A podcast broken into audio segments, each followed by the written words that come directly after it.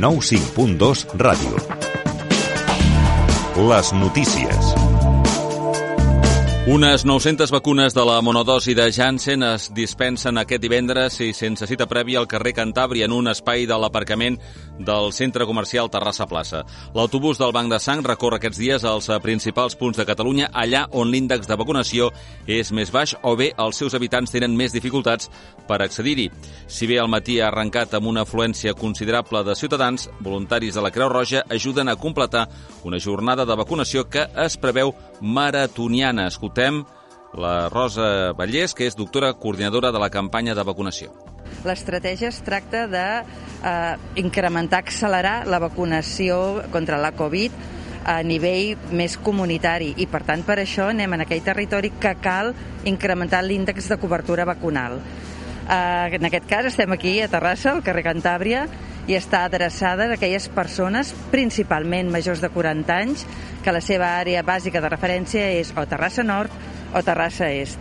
Com veieu, eh, ja des de primera hora hi ha hagut persones que han vingut, això està ple, estem vacunant força i esperem poder cobrir totes les vacunes aquesta, al llarg del dia d'avui, que estarem aquí fins a les 8 del vespre.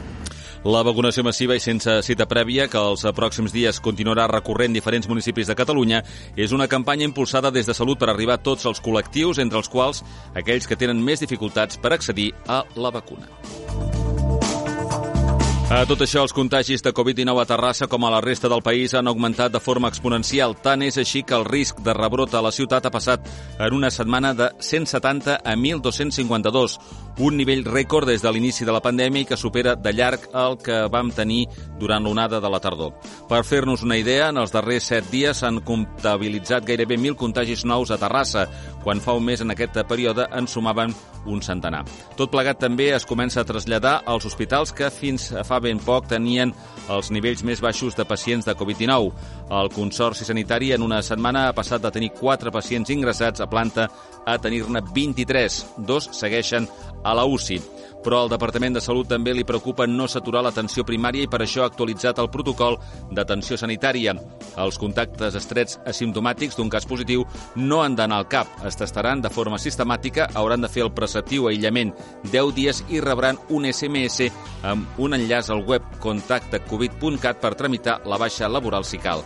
Salut reitera la importància del compliment de les actuals mesures de control epidemiològic, especialment en l'ús de les mascaretes i en trobades fora del grup Bombolla.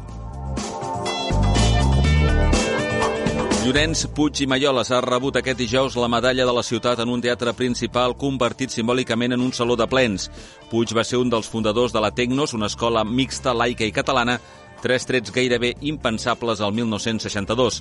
I va fer classes fins que es va jubilar, fa 18 anys, amb una breu estada també a l'Institut Ègara. Puig ha estat professor universitari, llicenciat en Química, va impartir aquesta matèria a l'Escola d'Enginyers. Un cop jubilat va fa classes de Física i Química al diploma de la Universitat de la Gent Gran. A banda de la vessant científico-docent, Llorenç Puig també ha estat un home de lletres, amb novel·les, articles periodístics, contes, poesia i llibres de divulgació científica. Algunes de les seves obres l'han fet guanyador dels premis Ciutat a Terrassa, Salvador Espriu i Lola Anglada. Això és tot. La Ràdio Municipal de Terrassa seguirà amb més notícies.